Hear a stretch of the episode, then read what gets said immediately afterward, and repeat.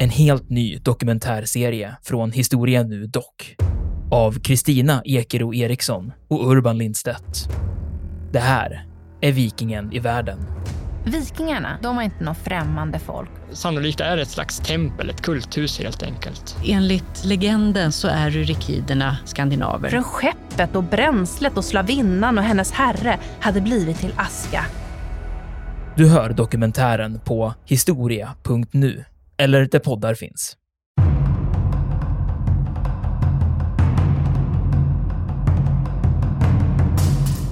Ja, jag kan inte låta bli att lite associera till, till en så klassiker när det gäller krigföring och militärhistoria. Den är att det är alltid, man behöver alltid få in soldater på plats. Du kan inte ta och hålla terräng. Du kan inte ens i, idag ta och hålla terräng med flyg eller med, med helikoptrar.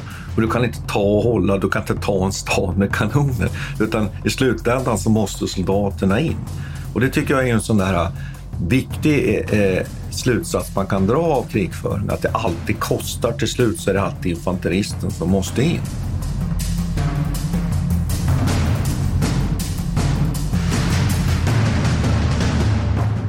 Militärhistoriepodden är podden om krig med människor och samhället i fokus. Programledare är Martin Hårdstedt, professor i historia vid Umeå universitet och Peter Bennesved, doktor i idéhistoria. Podden ges ut av förlaget Historiska Media. Stöd gärna MH-podden via vårt swishnummer 123 610 76 68. Märk betalningen med MH-podden.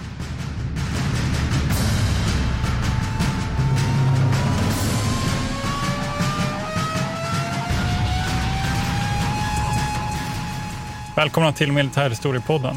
Och mitt namn är Peter Bennesved. Och jag heter Martin Årstedt.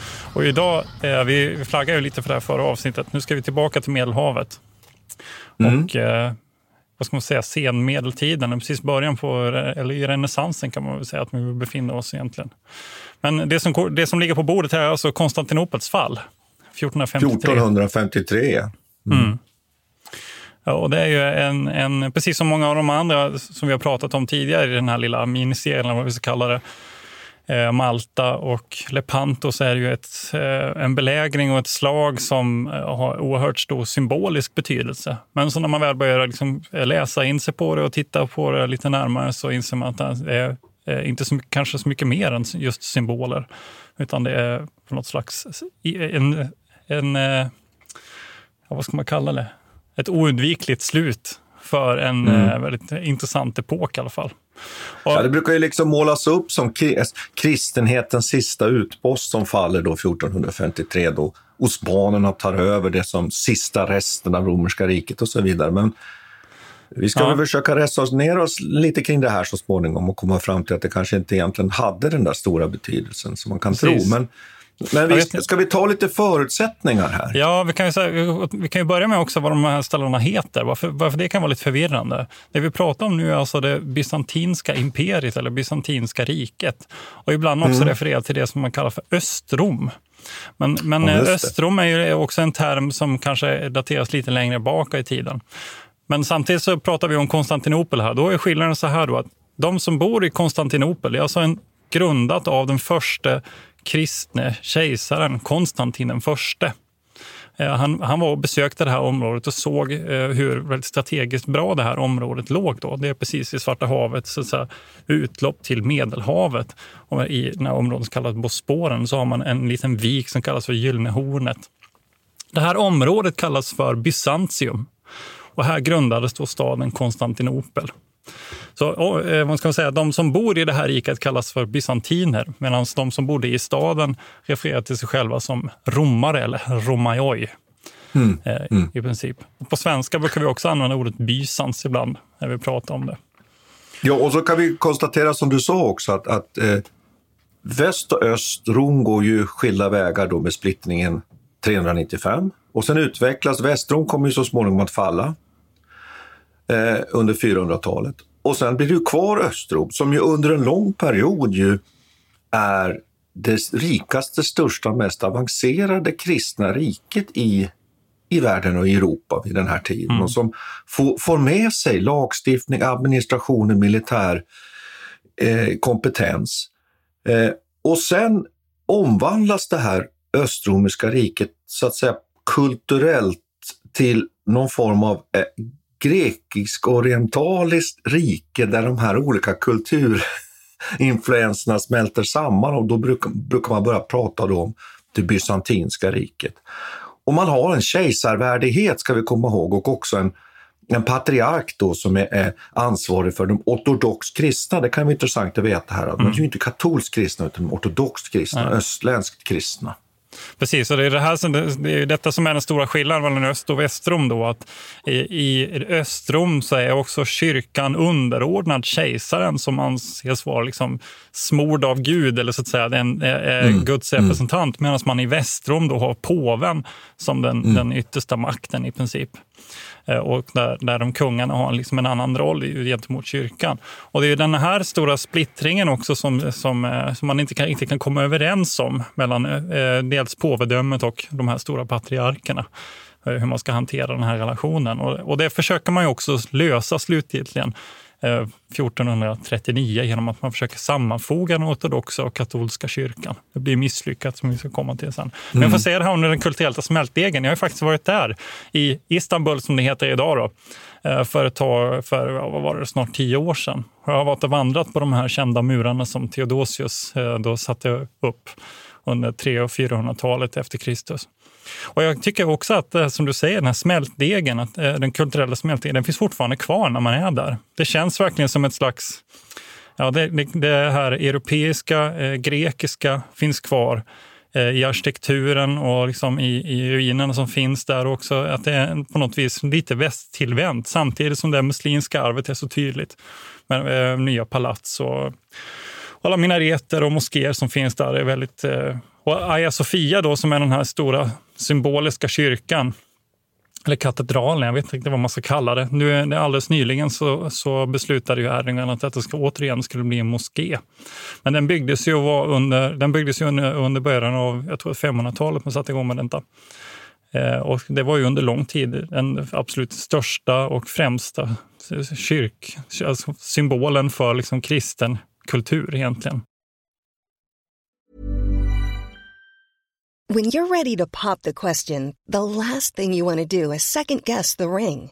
At BlueNile.com you can design a one-of-a-kind ring with the ease and convenience of shopping online. Choose your diamond and setting. When you find the one, you'll get it delivered right to your door. Go to Bluenile.com and use promo code LISTEN to get $50 off your purchase of $500 or more. That's code LISTEN at Bluenile.com for $50 off your purchase. Bluenile.com code LISTEN. Many of us have those stubborn pounds that seem impossible to lose, no matter how good we eat or how hard we work out. My solution is PlushCare. PlushCare is a leading telehealth provider with doctors who are there for you day and night to partner with you in your weight loss journey. They can prescribe FDA-approved weight loss medications like Wagovi and Zepbound for those who qualify. Plus, they accept most insurance plans. To get started, visit plushcare.com slash weight loss. That's plushcare.com slash weight loss. Millions of people have lost weight with personalized plans from Noom. Like Evan, who can't stand salads and still lost 50 pounds. Salads generally for most people are the easy button, right? For me, that wasn't an option. I never really was a salad guy. That's just not who I am. But Noom worked for me.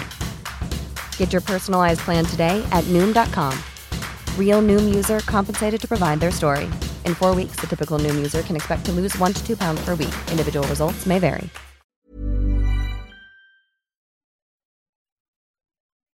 Man kan väl konstatera då att, att Konstantinopel ligger på den europeiska sidan, alltså den västra sidan mm. av på spåren och den som du sa, den sticker ut då som en udde.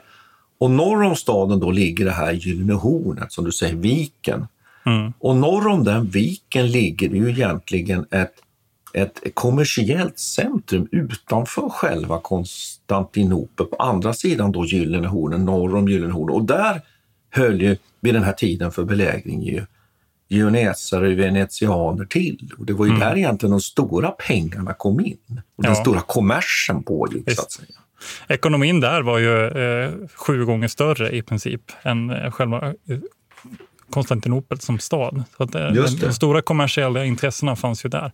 Men det säger också någonting om det här europeiska inflytandet under den här tiden för belägringen så är Konstantinopel i princip helt i händerna på venetianer och genovesare som håller det. Och det är i princip via sjön då som man har kontakt med Europa, via hamnen och den här stan som du, som du eh, nämnde som heter Galata. Ja, och då, då kan vi konstatera att, att, att det, det bysantinska riket är ju bara som en, en, en liten enklav kring mm. Konstantinopel och egentligen har små landområden då som sträcker sig väster och norrut.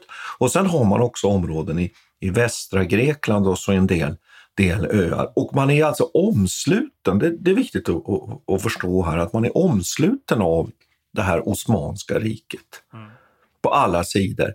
Och ur ett osmanskt perspektiv så inser man ju naturligtvis att här har man ju ett, ett kristet brohuvud liksom i veka-livet på något sätt om man ska uttrycka det på det sättet. Så det är klart mm. att rent militärstrategiskt faktiskt så var ju det här problematiskt. Man, man förstår ju att det fanns en vilja från Osmanska rikets sida att slå ut och sudda ut den här sista enklaven. Och så kan mm. man väl lägga till det att det bysantinska riket och kejsaren nästan lite sådär tveksamt om man ska prata om kejsare och en symbolisk värdighet han var ju i stort sett egentligen undervasall som det hette vid den här tiden. Alltså han var, eh, hade ju avtal med Osmanska riket. Precis som många andra områden, till exempel det, det serbiska området hade avtal. Och att vara undervasall, det, det har ju att göra med det här medeltida feodala systemet, nämligen att man mot att man fick en stor frihet och kunde beskatta områden så, så Eh, gav man någonting i gengäld då till den här överherren och det kunde vara, kunde vara så helt enkelt att man ställde upp med krigare eller någonting sånt. Så man har alltså avtal med Osmanska riket mot att Osmanska riket liksom accepterar att, att den här kristna riket får finnas mm. kvar. Så man levde ju på något sätt egentligen på, på, på det osmanska rikets, med Osmanska rikets goda minne om man uttrycker sig mm. så. Så, att, så att det är viktigt att komma ihåg att det, det Osmanska riket uppfattar ju naturligtvis det här bysantinska riket som ett stort problem. Och nu är vi mm. egentligen lite inne på orsakerna till varför man från osmansk sida bestämmer sig för det här. Och där ska vi väl lägga till en, en stor pusselbit till. Nämligen att Mehmet den andre, som, ju, som är, eh, är, är, är sultanen i det Osmanska riket, och vi ska inte ta alla detaljer kring det där, men det finns alltså en inrikespolitisk strid där han behöver eh, mm. ta ett starkare grepp om makten, eller hur? Han är inte heller känd som en, eh, som en av de mest framgångsrika sultanerna egentligen. Och Konstantinopel är väl hans största bragd, va?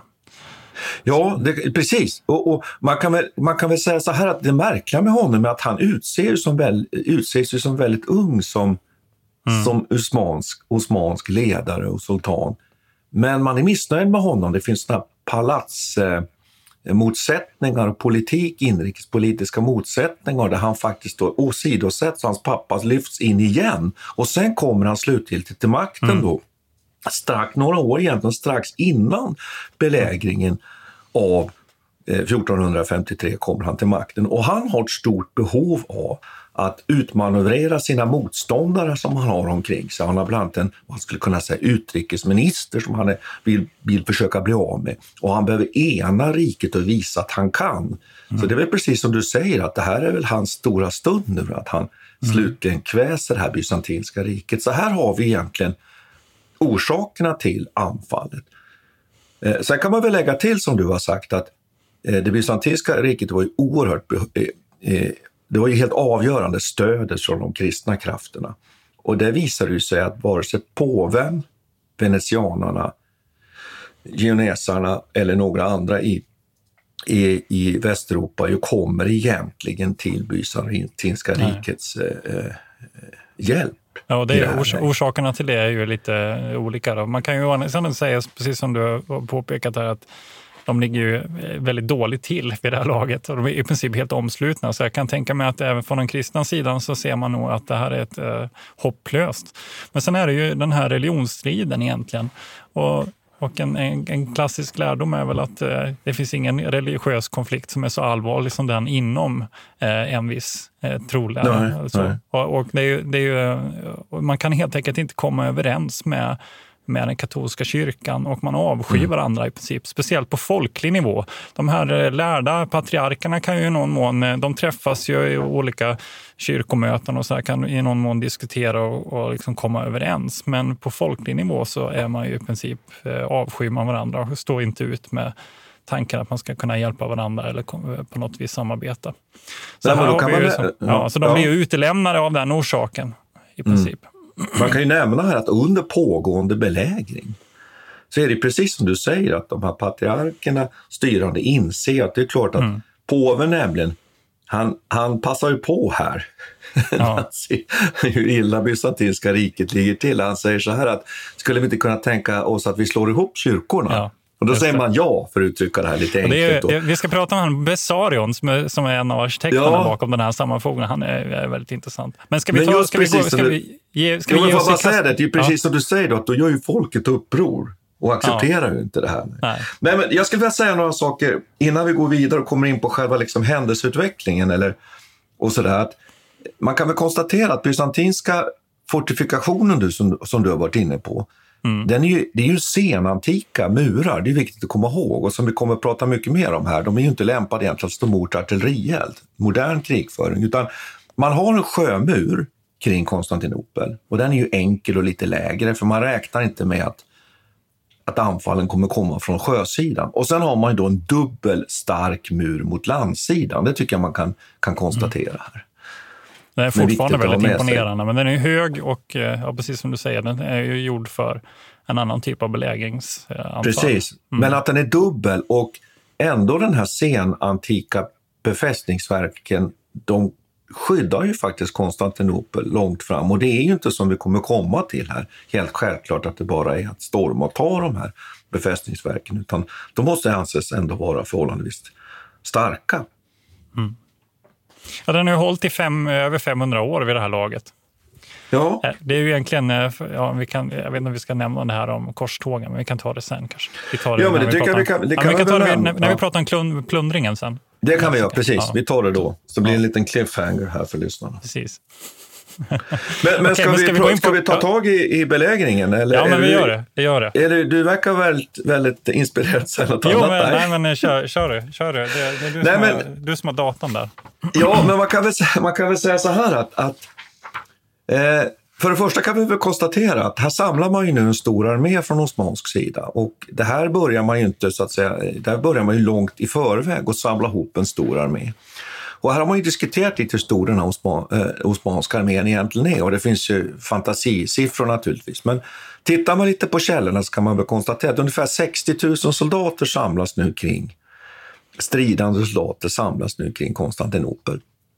Eh, och man kommer ju både med en flotta för att innesluta staden och man kommer med en landarmé. Och sen plus de här 60 000 stridande soldaterna så tillkommer ju många, många gånger fler eh, personer som ju har andra uppgifter. Sådana som gräver eh, belägringsverk runt staden som, som finns med och släpar fram de här stora kanonerna och så vidare. Och sen, sen då så här tycker jag som är det är jätteintressant att man bygger då ett antal batterier kring Konstantinopel.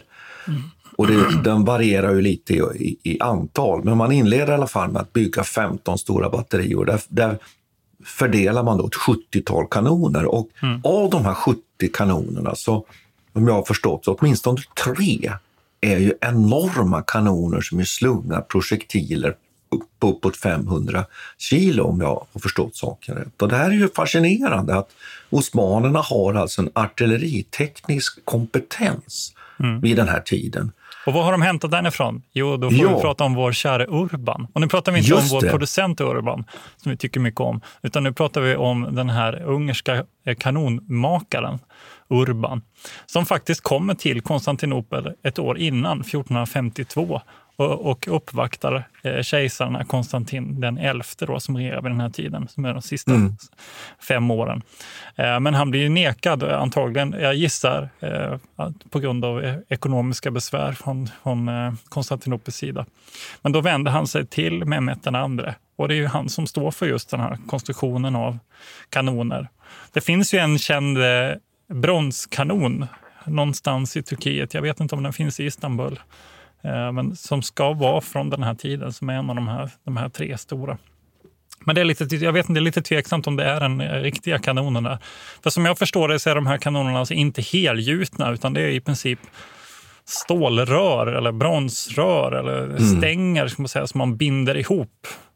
Eh, ungefär som en tunna eh, och, och, som eh, man då avfyrar de här kanonerna och de, ifrån. Ja, de gick ju inte att skjuta hur många gånger som helst per dygn Nej. utan det var ett begränsat antal gånger. Men det är klart att de hade en enorm effekt. Och som jag, som jag har förstått tekniken här, det, det kan vi ju säga att källorna är ju få och svaga kring den här belägringen. Men, mm. men man, ibland så använder man sig, som jag förstår tekniken, att man sköt med mindre kanoner i, i, liksom i en triangel, liksom tre skott och fick då strukturen i den här muren som man ville få ner mm. att liksom börja rämna.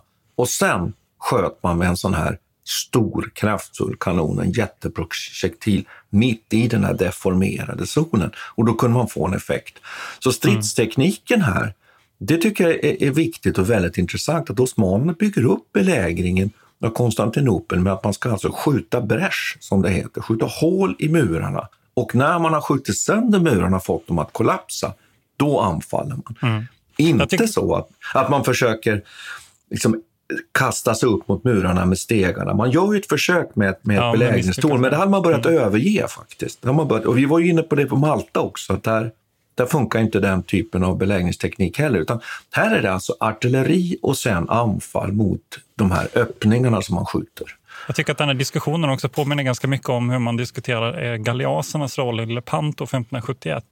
Alltså det, mm. Man vill gärna framhäva dem som en ny slags teknisk innovation som spelar stor roll för själva slaget. Men sen i slutändan så vet vi att det är, ja, Alltså det är, lite, det är olika bud på det där. Men i slutändan så är det ju janissarerna egentligen som klättrar upp på murarna och gör avgörandet ändå. Ja, ja att det är eh, infanteriet. Ja. Nej, precis. Och, och någonting som utmärker Konstantinopels eh, eh försvarsstyrka här är ju också att de lyckas återbygga de här murarna ganska snabbt. Även om de lyckas att slå bräsch som du säger här. Så, så under, nät, mm. ja, under nätterna så, så byggs ju de här murarna upp igen. Mm. Så det är så tveksamt hur, hur stor, ja. stor roll de spelar. Men det är, det är ju en, en vändpunkt i historien det att, eh, att man använder kanoner på ett helt nytt sätt här. När det börjar liksom praktiseras.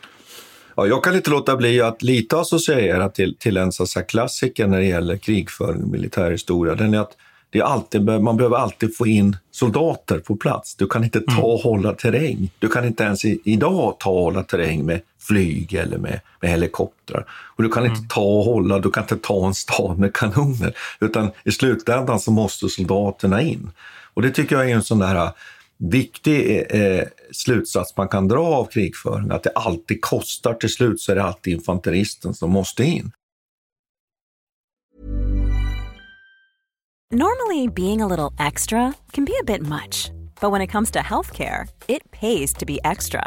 And United Healthcare makes it easy with Health Protector Guard fixed indemnity insurance plans. Underwritten by Golden Rule Insurance Company, they supplement your primary plan, helping you manage out of pocket costs without the usual requirements and restrictions like deductibles and enrollment periods. So when it comes to covering your medical bills, you can feel good about being a little extra. Visit uh1.com to find the Health Protector Guard plan for you. Quality sleep is essential. That's why the Sleep Number Smart Bed is designed for your ever evolving sleep needs. Need a bed that's firmer or softer on either side? Helps you sleep at a comfortable temperature? Sleep Number Smart Beds let you individualize your comfort so you sleep better together. JD Power ranks Sleep Number number 1 in customer satisfaction with mattresses purchased in-store. And now save 40% on the Sleep Number limited edition Smart Bed for a limited time. For JD Power 2023 award information, visit jdpower.com/awards. Only at Sleep Number stores or sleepnumber.com. This is Paige, the co-host of Giggly Squad, and I want to tell you about a company that I've been loving, Olive and June. Olive and June gives you everything that you need for a salon quality manicure in one box. And if you break it down, it really comes out to $2 a manicure, which is absolutely insane. It's also so easy to get salon worthy nails at home with Olive and June. The difference between how your nails used to look when you did them yourself and now with the Manny system is a complete game changer. The best thing about Olive and June, too, is it's a quick dry. Dries in about one minute, lasts for five days, and full coverage in up to one to two coats. Visit oliveandjune.com slash perfectmanny20 for 20% off your first system. That's oliveandjune.com slash perfectmanny20 for 20% off your first system.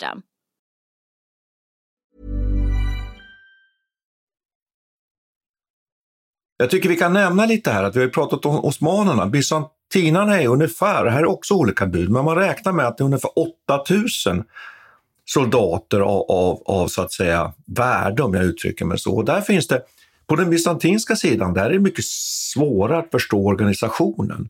Här finns det till exempel då väldigt professionella soldater från Venedig då, under den här eh, personen eh, Giustiniani, väldigt svårt förnamn, jag tänker kalla honom faktiskt för Longo.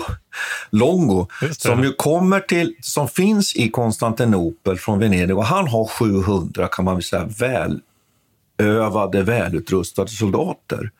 Eh, då kan man ju nämna att den här Longo kommer ju sedan utses av den bysantinske kejsaren till helt enkelt chef för försvaret av Konstantinopel och framförallt kommer han ju att leda försvaret av den här land, dubbla landmuren. Men nu kommer det inte en genovesisk styrka också som på Ja. något dramatiskt eh, mitt i slaget här som dyker upp Jo, och olika det, det, det, det, vi, kom, vi kommer till det. Du får Okej, inte ta de här spännande. väldigt spännande saker, Peter. Du förstår ju historien. Okej, ja, ja, Men så kan, man säga att, så kan man säga att i den bysantinska staden också så fanns det också en milis. Så att, men den här truppstyrkan på bysantinska sidan, den är egentligen mycket mindre professionell egentligen och, och, mycket mer löst sammanhållen och väldigt mycket svårare att få ett grepp om. Och då ska jag bara nämna det att på osmanska sidan, där har man ju tidigt i historien professionell armé. Du nämner ju janitjarerna. Janitjarerna är ju en del av den här stående professionella armén som finns i Osmanska riket och som ju rekryteras, som vi har varit inne på i tidigare avsnitt, väldigt mycket från de kristna befolkningsgrupperna som ju faktiskt på det här sättet egentligen betalar lite tribut till den osmanska härskaren. Man skickar sina söner helt enkelt på militärutbildning där de får då konvertera till islam, lära sig ett nytt språk och bli på något sätt osmaner. Och där är ju janitjarerna är ju gräddan, 68 000 man av de här stående professionella armén. Och det där sen då kompletteras med att man tar ut i samband med varje enskild kampanj då, skulle man väl kunna kalla för någon sorts utskrivning bland helt enkelt eh, osmanska, eller vi kanske skulle kunna säga, nu blandar vi ju begreppen här, turkiska bönder. Lite farligt att prata om Ja, Turkiet. ja, det finns så många olika folkslag som- Turkiet. Blir- Precis. Och- Men det här är viktigt. Och sen finns det också kontingenter då från, från Serbien. Det finns olika sådana här befolkningsgrupper med i den här armén. Men viktigt, vilket jag skulle bara vilja säga till slut här, att Mehmet har fullständig befälskontroll över de här grupperna. Vilket ju gör att disciplini, disciplinen är mycket bättre faktiskt på osmansk sida än på den bysantinska, där det är svårare att föra befäl. Då, så att säga. Men man kan väl säga så här, Mm. Ja, ja, jag, jag har, gjort, jag har gjort, gjort en uppdelning av den här belägringen i lite olika faser. Ja. Det kanske du tycker låter väldigt hemskt Ja, men berätta. Kör, kör, Men kör. Mm. första fasen kan man säga att, att man har samlat då, stäng, man stänger ju av då Konstantinopel först och det här pågår ju under månader. Ja, För, för jag jag tror den här belägringen 50, vad är det, start- 57 dagar, va? Ja, man, man startar ju den här belägringen startas ju inte liksom den, den, man brukar säga att den 2 april är staden fullständigt inringad, utan det här pågår ju månader, förberedelserna är år i förväg. Men när så att säga belägringen på riktigt allvar drar igång, då är det den osmanska uppmarscherna. Man brukar då säga att de första anfallet mot landmuren sätts igång den 7 april. Och då börjar man också med att artilleribeskjuta då den här landfronten. Och sen skjuter man i olika omgångar och man genomför ett olika eh, anfall under april. Och man kan väl nämna då att, att de här anfallen då eh, får ju en viss framgång vid några tillfällen, men de kastas hela tiden tillbaks. Och som du har varit inne på, man bygger upp murarna under, under eh, eh, dagarna eller nätterna. Och anfallen slås som jag förstår av den här belägringen många gånger ut under natten eller i gryningen.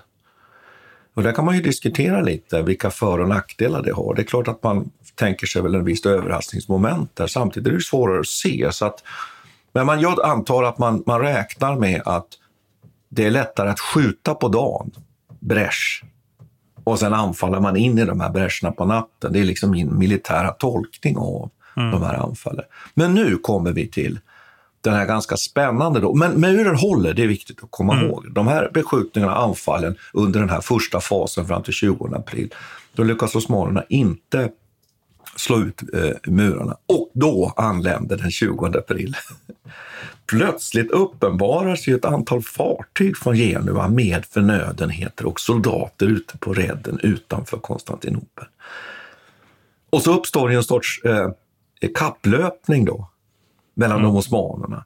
Och så lyckas ju de här fartygen faktiskt komma undan. För det ska vi väl lägga till här att de bysantinska fartygen var i allmänhet större och starkare än de osmanska fartygen.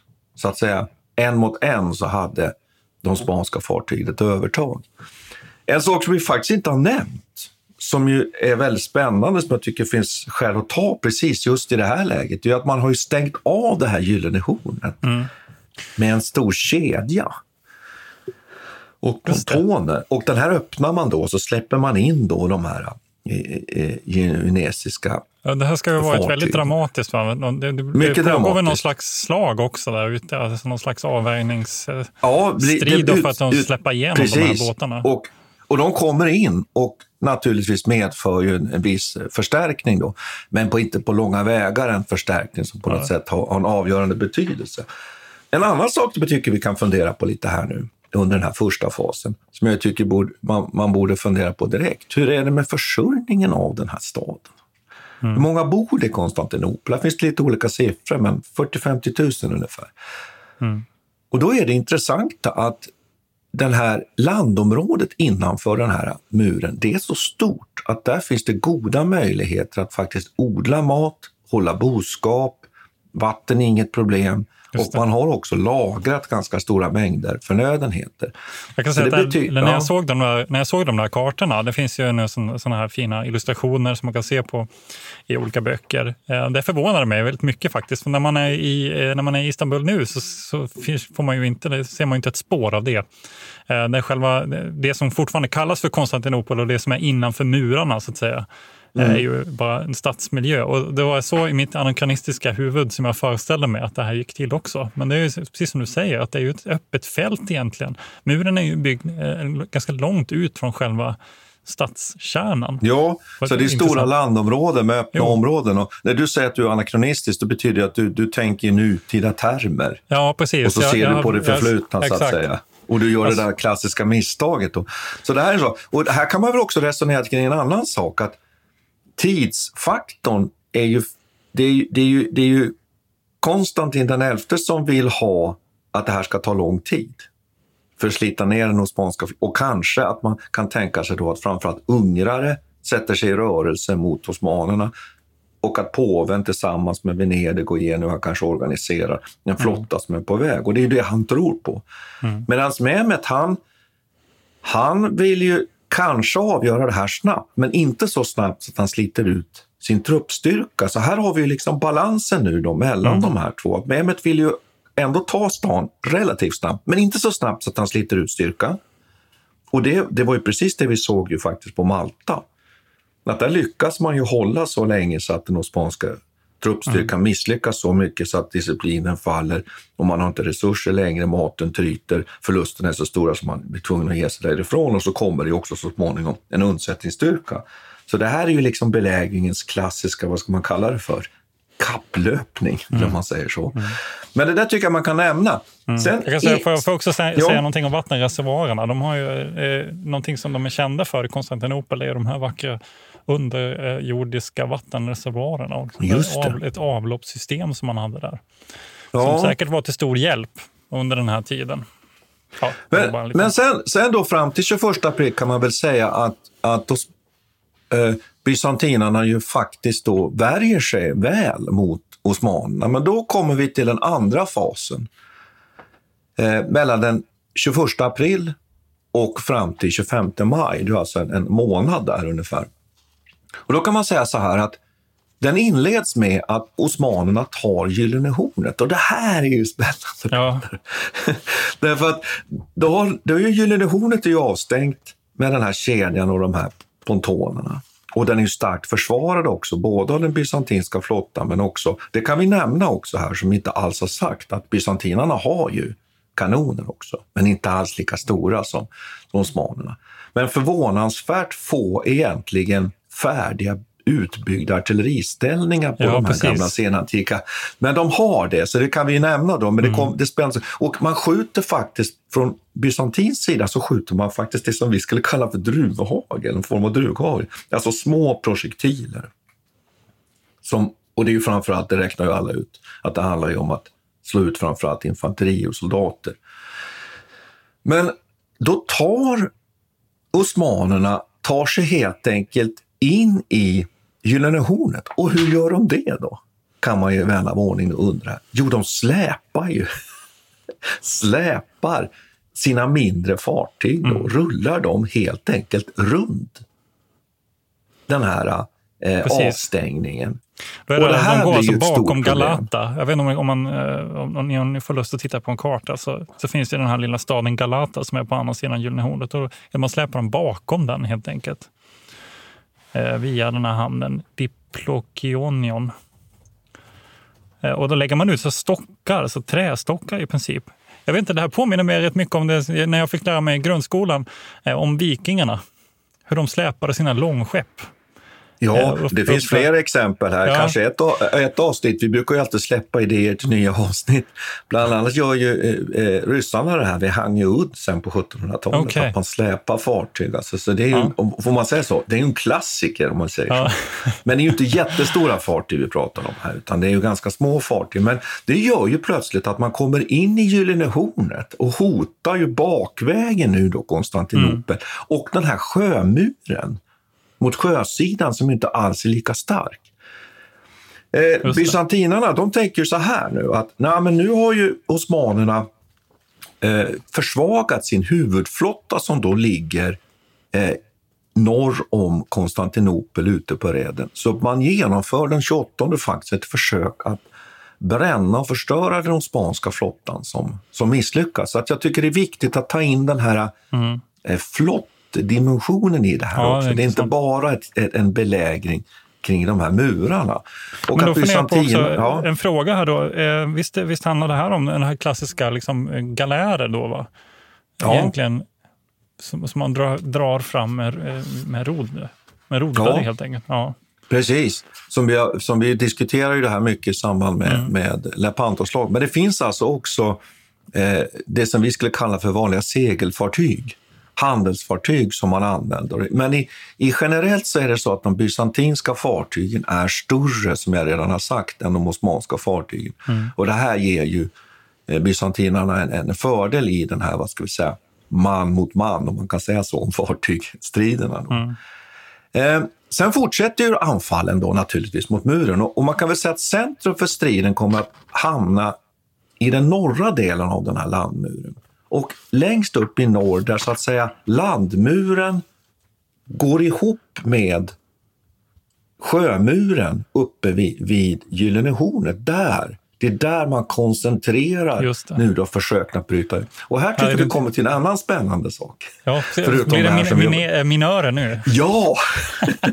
De serbiska minörerna som alltså försöker gräva sig in under den här muren för att underminera den. Och där nere i underjorden utkämpas ju något sorts gruvgångsslag mellan bysantiner och serber. För det här lyckas bysantinerna eh, värja sig emot genom att man gräver motgångar och anfaller helt enkelt de här, framförallt då serberna som, som är, har fått i uppgift att göra de här. Så det här får osmanerna ingen eh, framgång med. Jag tänker genast faktiskt på västfronten och första Ja, världskriget. så precis. Jag för mig också att jag har läst någonstans att man använder sig av lite eh, inte så, eh, okonventionella metoder här också. Man eh, försöker röka ut dem och olika typer Ja, av gas. ja. Men du kan ju tänka dig de här man mot man-striderna nere i, i mörkret Mm. där nere. Som ju måste ha varit oerhört brutala. Ja. Men jag tycker, jag, lite, jag tycker att det här är väldigt spännande. På västfronten handlar det om att man försökte placera stora miner som man sen helt enkelt eh, sprängde för att få motståndarnas skyttegravssystem att kollapsa. Då. Men här handlar det egentligen om att man försöker underminera murarna, men det lyckas inte. Eh, den 19 maj, nu är vi mot slutet av den här så säga, andra fasen här, då börjar osmanerna på allvar att bygga en pontonbro. Och nu börjar det ju osa katt för bysantinerna. För nu är man under press mot landmuren, där man precis håller osmanerna stången. Men nu börjar osmanerna komma närmre och närmre att kunna anfalla direkt mot den här sjömuren i norr. Just det. Så tänker de då att de ska flytta ner den här pontonbron då vid ett anfall? Ja, och, och så ju, på pontonbron då helt enkelt. Ja, Nej. Anfalla längs pontonbron. Och här gör man försök från bysantinerna med sån där grekisk eld som det heter. Alltså helt enkelt man häller ut olja och sån här, eh, eh, sätter eld på. Man skulle kunna kalla det för egentligen den tidens eh, eh, eldkastare. Så försöker man förstöra, men det lyckas man inte med. Så att det här hotet kommer nu att kvarstå. Och nu har vi kommit så långt fram i belägringen att nu är det faktiskt bara några dagar kvar som Konstantinopel håller. Mm. Och vi flyttar snabbt över i det som jag då har kallat för slutfasen då, den 26 maj till 29 maj. De sista tre dagarna här. Och då koncentreras då och intensifieras de här osmanska beskjutningen av murarna. Man skjuter bräsch och man anfaller. Och till slut då så genomförs det då den 28 maj att mot den 28 och 29 maj en serie anfall, flera anfall. Och det är väldigt oklart vad som exakt händer här. En annan sak som är viktig och betydelsefull som inträffar just i slutskedet här, det är att Logo, Logo alltså befälhavaren, eh, skadas och tvingas dra sig ur striden. Och det här har man då diskuterat hur det här påverkar trupperna. En sak som jag funderar väldigt kring när man hör den där typen av uppgifter generellt Mm. sett, det är ju hur får alla soldater veta att överbefälhavaren är skadad? Mm. Det är ju en intressant fråga. Det måste ju vara någon riktig spridning. Att det är som... Ja, på något sätt.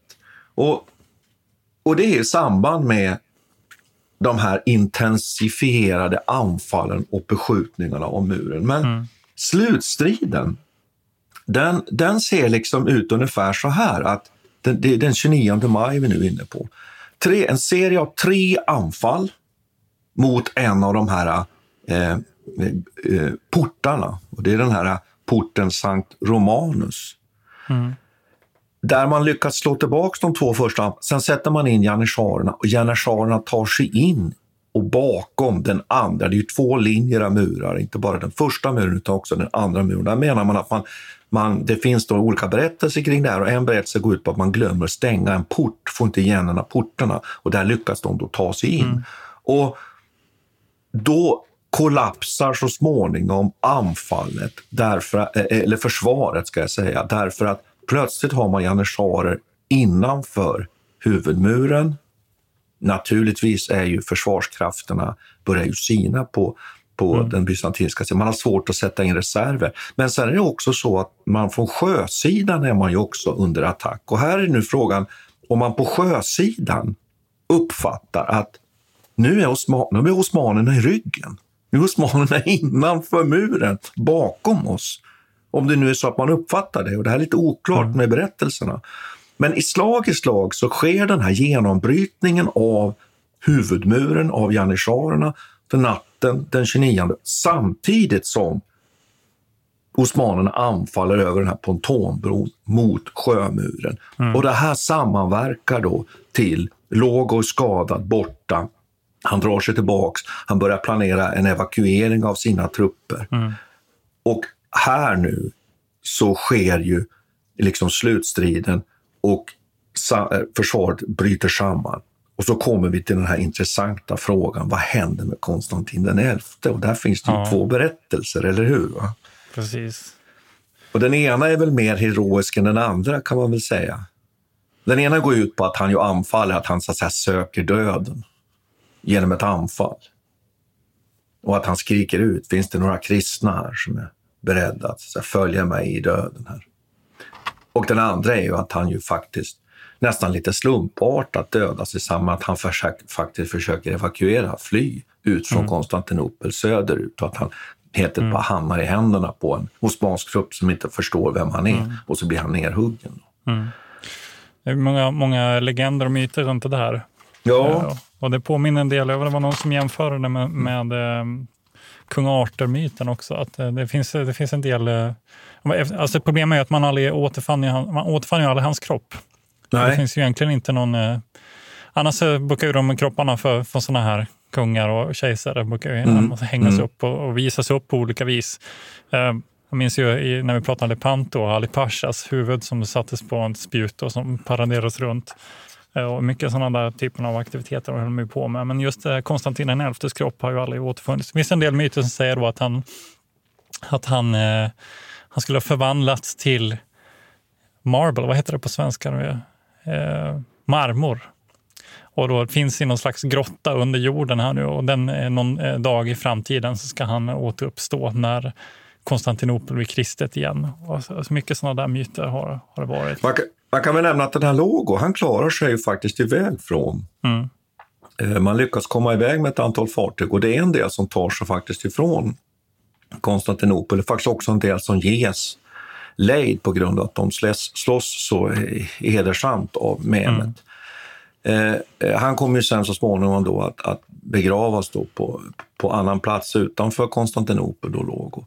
Eh, för han dör, han dör så småningom av det här såret. Har man diskuterat lite vad det är för skada han får och var han träffas och så vidare. Jag, jag har läst olika förklaringar. En, en, en förklaring är att han träffas, och som jag förstår det, av ett splitter från en sån här kanonkula som tränger in under hans arm. Och det kan ju vara Eh, och det var ju stenprojektiler man sköt främst under den här belägringen. Mm. Så det är någonting som måste ha trängt in i hans, under hans harness då och skadat honom.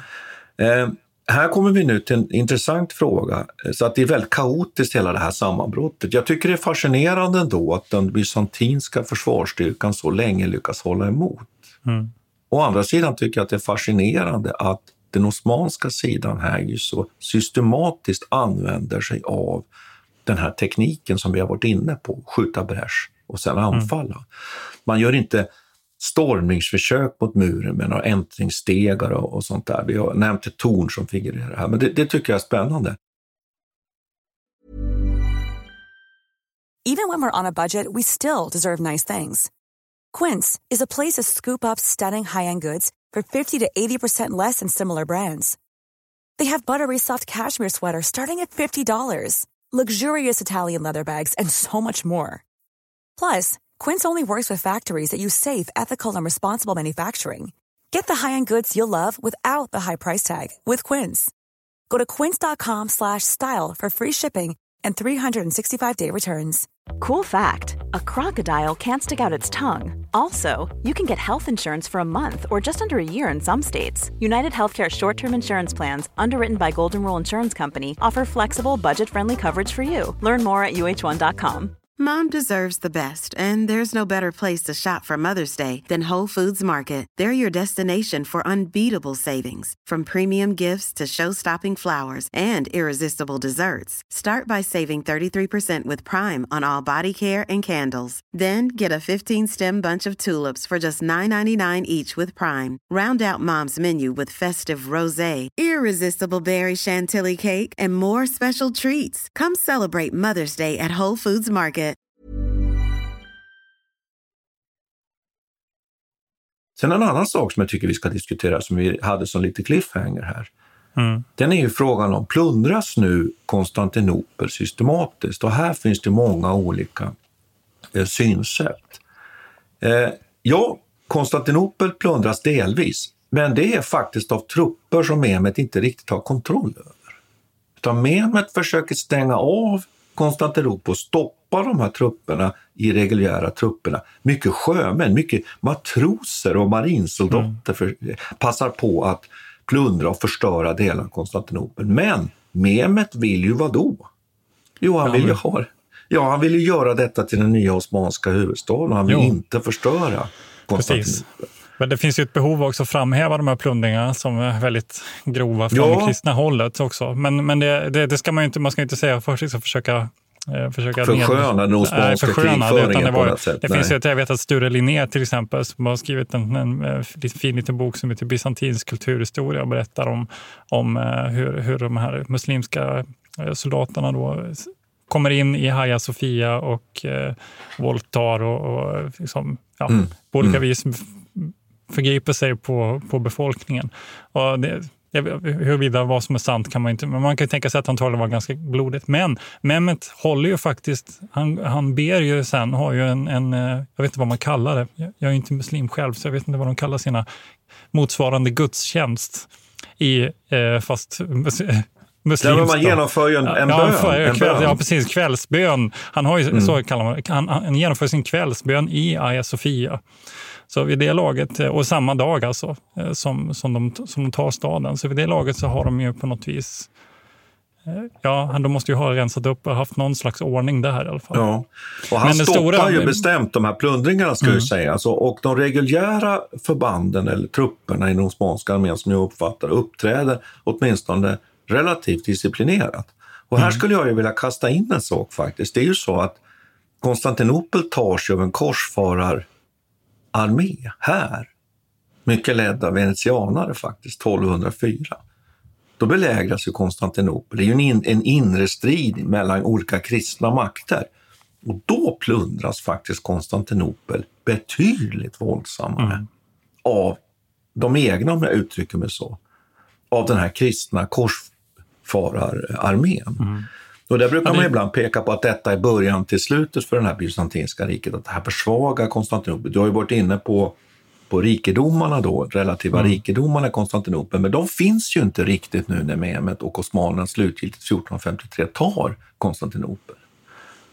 Efterspelet till det här är ju intressant för ur ett idéhistoriskt perspektiv också. Som vi var inne tidigare på och pratade om det här eh, konflikten mellan öst och västrom så har de ju väldigt svårt att förlika sig och egentligen det kulturella utbytet mellan öst och västrom var väldigt skralt under, de här, eh, under medeltiden fram till egentligen Konstantinopels fall.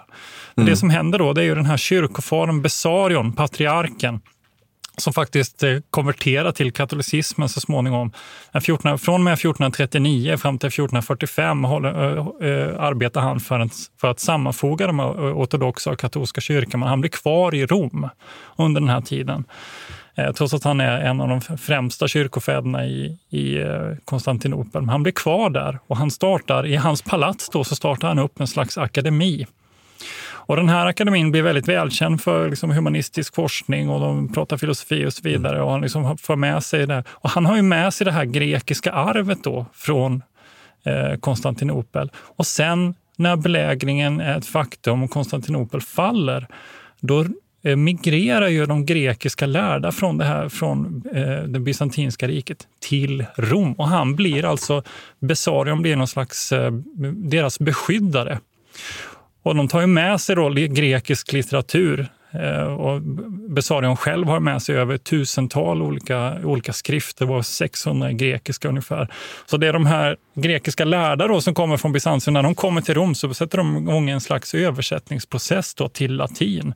Och det här eh, har man då menat på att eh, detta är starten egentligen till den italienska renässansen. Ja, det där är ju jättespännande. För jag, Ja. jag skulle vilja lägga till att annars är det väl så att många i den bysantinska eliten, de accepterar ju faktum här. Så de som blir kvar konverterar ju och kommer så att säga Mm. ställa in sig i ledet under det Osmanska riket. Så att, frågan är ju egentligen här, det här har vi varit inne på vid andra tillfällen har vi anledning att komma tillbaka, att just det här med religion och krig är en intressant fråga som vi Mm. kanske rent av skulle kunna ha, ha till och med ett, ett, ett Ja, absolut. avsnitt om att diskutera just att hur stor betydelse har egentligen religionen här? Men det jag tyckte vi skulle kunna... Åt... Ja, ja, då ska jag lägga till det också, att det förs ju någon, nä, nästan sån här, vad ska vi säga, förbluffande eh, cynisk eh, förhandling också under pågående belägring. Där påven försöker få då eh, ledarskapet, ortodoxa ledarskapet att, att acceptera en sammanslagning mot så att säga hjälp då på något sätt. Det är väl det som förespeglas dem. Men då så gör man ju uppror bland gräsrötterna. Folket i Konstantinopel accepterar inte det här. Så det här tycker jag är en intressant fråga. just att Mm. Hur stark är religion? Kanske det är så för överklassen många gånger bara en bricka i ett politiskt spel. Just. Men ofta för, för vanliga människor är religionen verkligt betydelsefull i hela det sätt att se på livet och, och att vara. precis, bysantinarna själva lär ju ha varit mer intresserade av att ha eh, osmanska övermän än, än några latinska. man är egentligen hellre, man ville hellre ha dem där som, Ja. som styrande. Det är ju Men man ska- Bessarion om man ska- är ju den ja. som, som är arkitekten bakom det här också. Han, han, åker ju till, eh, han åker ju till Italien tillsammans med Konstantin den elftes far, då, Johannes den åttonde Palaiologos. Och håller på och, men utbytet här, det, det som många är emot är ju också då att det finns egentligen ingen jämlikhet i den här sammanfogningen mellan katolis, eh, katolicismen och eh, ortodoxin. För att, eh, man inser nej, ju det- att ja. Ja, man inser att det, det betyder i princip att man eh, underkastar sig Mm. påvens makt. För, det, för vid det här Mm. laget så är påven, påvedömt som betydligt starkare. Sen kommer ortodoxa, det ortodoxa centrumet kommer sen så småningom att tyngdpunkten att flyttas upp i det, det, det så att säga ja, formerande ry, ryska riket och så Mm. vidare. Men det är liksom en annan berättelse. Men jag tycker att ska man sammanfatta den här Konstantinopels belägring, är det dags att göra det kanske? Ja, lite? det är dags. Ja. Tiden rinner Ja. ut. Okej, då ska jag göra så, säga bara så här, att 1453, eh, kristenhetens sista fäste öst kan ifrågasättas. Som vi har sagt här, det är en liten enklav. Det här kanske ändå var bara en tidsfråga innan det har fallit. Det tycker jag är intressant. Ur militär synvinkel, belägringskrigföring med artilleri, tycker jag är en spännande sak. Och också den här eh, marina dimensionen i den här belägringen. Både så att säga landkrig och sjökrig tillsammans skapar då det här, det här bysantinska nederlaget. Och det är väl det jag tycker att är mest intressant. Mm. Så att jag, vi, jag tycker nog att vi ska ta och, och avrunda här faktiskt. Ja, jag tror att och det är dags faktiskt. Och då tänkte jag att jag skulle tacka dig Peter. Ja, men tack, tack du Martin. Vi tackar Peter Bennesved och Martin Hårdstedt. Kontakta gärna Militärhistoriepodden via mejl på militarhistoriepodden historia.nu. Peter och Martin vill gärna få in synpunkter och förslag till programidéer.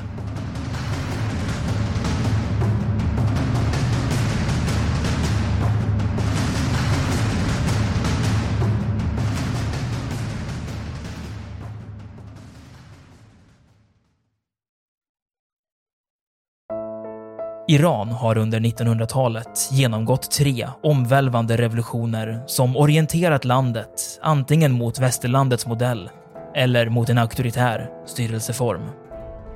Idag pågår en social revolution i landet som vänder sig mot det islamistiska styret och vars anhängare har Europa och väst som förebilder.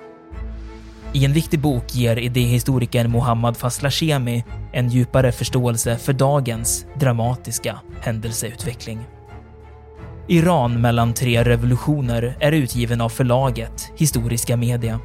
Beställ den fysiska boken på förlagets hemsida historiskamedia.se eller köp den i en bokhandel nära dig.